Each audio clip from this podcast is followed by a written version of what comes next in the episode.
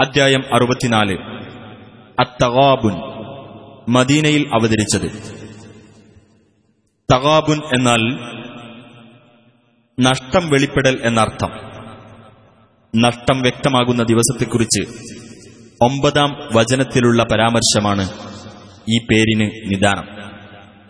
بسم الله الرحمن الرحيم يسبح لله ما في السماوات وما في الأرض له الملك وله الحمد وهو على كل شيء قدير ആകാശങ്ങളിലുള്ളതും ഭൂമിയിലുള്ളതും അള്ളാഹുവെ പ്രകീർത്തിക്കുന്നു അവനാണ് ആധിപത്യം അവനാണ് സ്തുതി അവൻ ഏതു കാര്യത്തിനും കഴിവുള്ളവനാകുന്നു هو الذي خلقكم فمنكم كافر ومنكم مؤمن والله بما تعملون بصير അവനാണ് നിങ്ങളെ സൃഷ്ടിച്ചവൻ എന്നിട്ട് നിങ്ങളുടെ കൂട്ടത്തിൽ സത്യനിഷേധിയുണ്ട് നിങ്ങളുടെ കൂട്ടത്തിൽ വിശ്വാസിയുമുണ്ട് അള്ളാഹു നിങ്ങൾ പ്രവർത്തിക്കുന്നതിനെപ്പറ്റി കണ്ടറിയുന്നവനാകുന്നു خلق السماوات والأرض بالحق وصوركم فأحسن صوركم وإليه المصير ആകാശങ്ങളും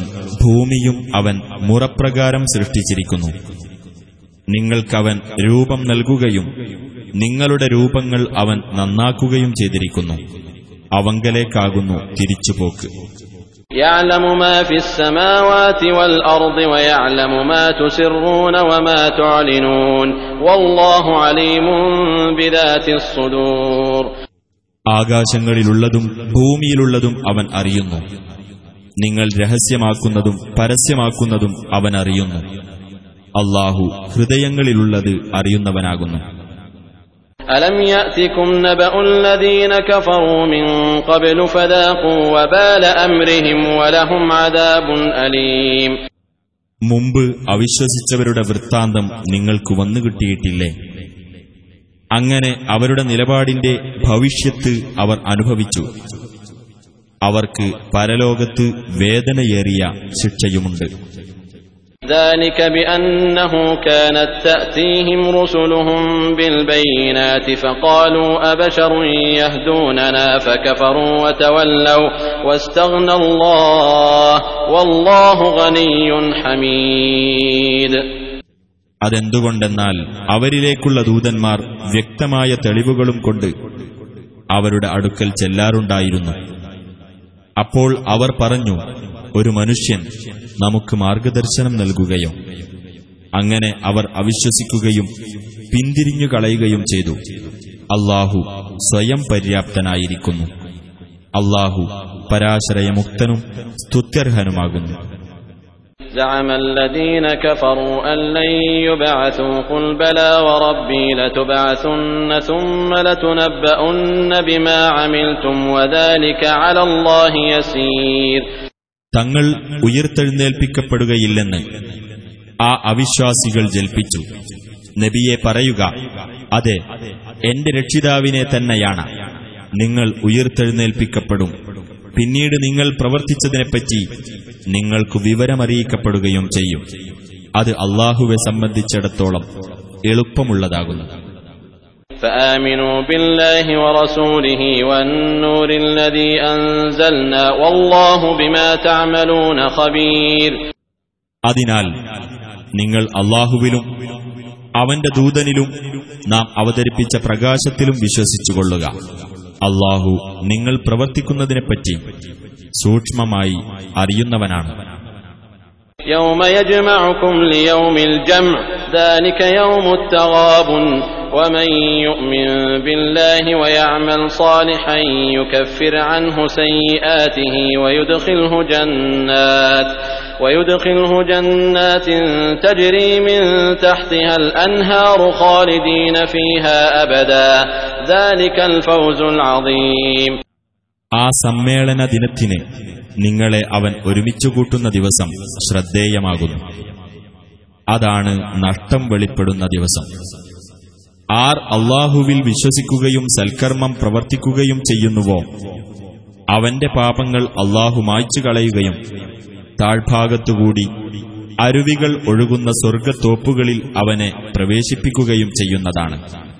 ആ സ്വർഗത്തിൽ അവർ നിത്യവാസികളായിരിക്കും.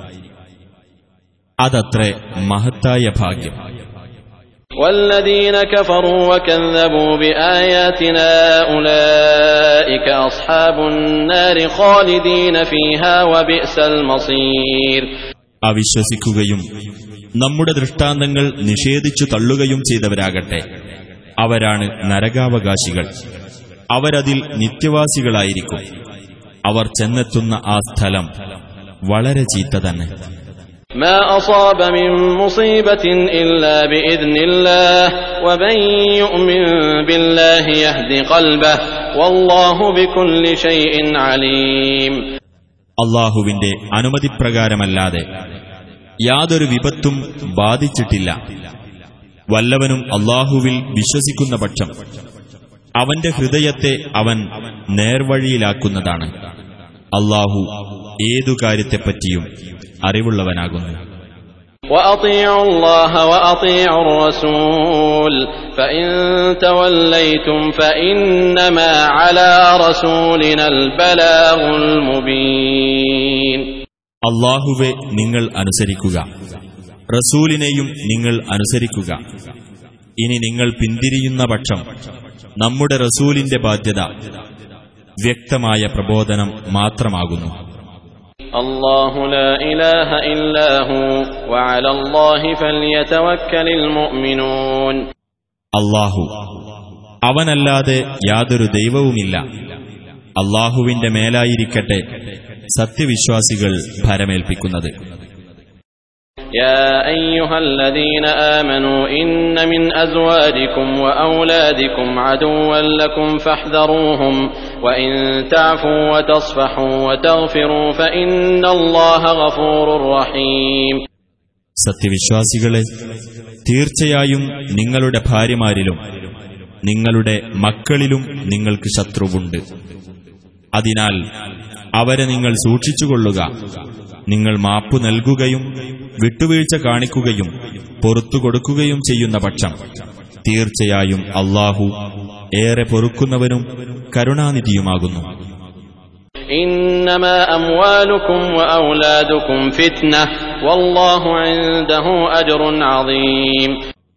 നിങ്ങളുടെ സ്വത്തുക്കളും നിങ്ങളുടെ സന്താനങ്ങളും ഒരു പരീക്ഷണം മാത്രമാകുന്നു.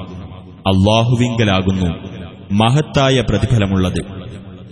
فاتقوا الله ما استطعتم واسمعوا وأطيعوا وأنفقوا خيرا لأنفسكم ومن يوق شح نفسه فأولئك هم المفلحون അതിനാൽ നിങ്ങൾക്ക് സാധ്യമായ വിധം അള്ളാഹുവെ നിങ്ങൾ സൂക്ഷിക്കുക നിങ്ങൾ കേൾക്കുകയും അനുസരിക്കുകയും നിങ്ങൾക്കു തന്നെ ഗുണകരമായ നിലയിൽ ചെലവഴിക്കുകയും ചെയ്യുക ആർ മനസ്സിന്റെ പിശുക്കിൽ നിന്ന് കാത്തുരക്ഷിക്കപ്പെടുന്നുവോ അവർ തന്നെയാകുന്നു വിജയം പ്രാപിച്ചവർ.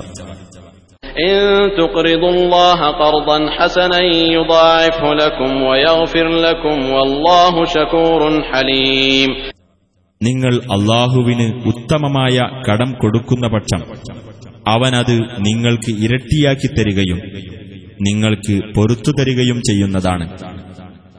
അള്ളാഹു ഏറ്റവും അധികം നന്ദിയുള്ളവനും സഹനശീലനുമാകുന്നു.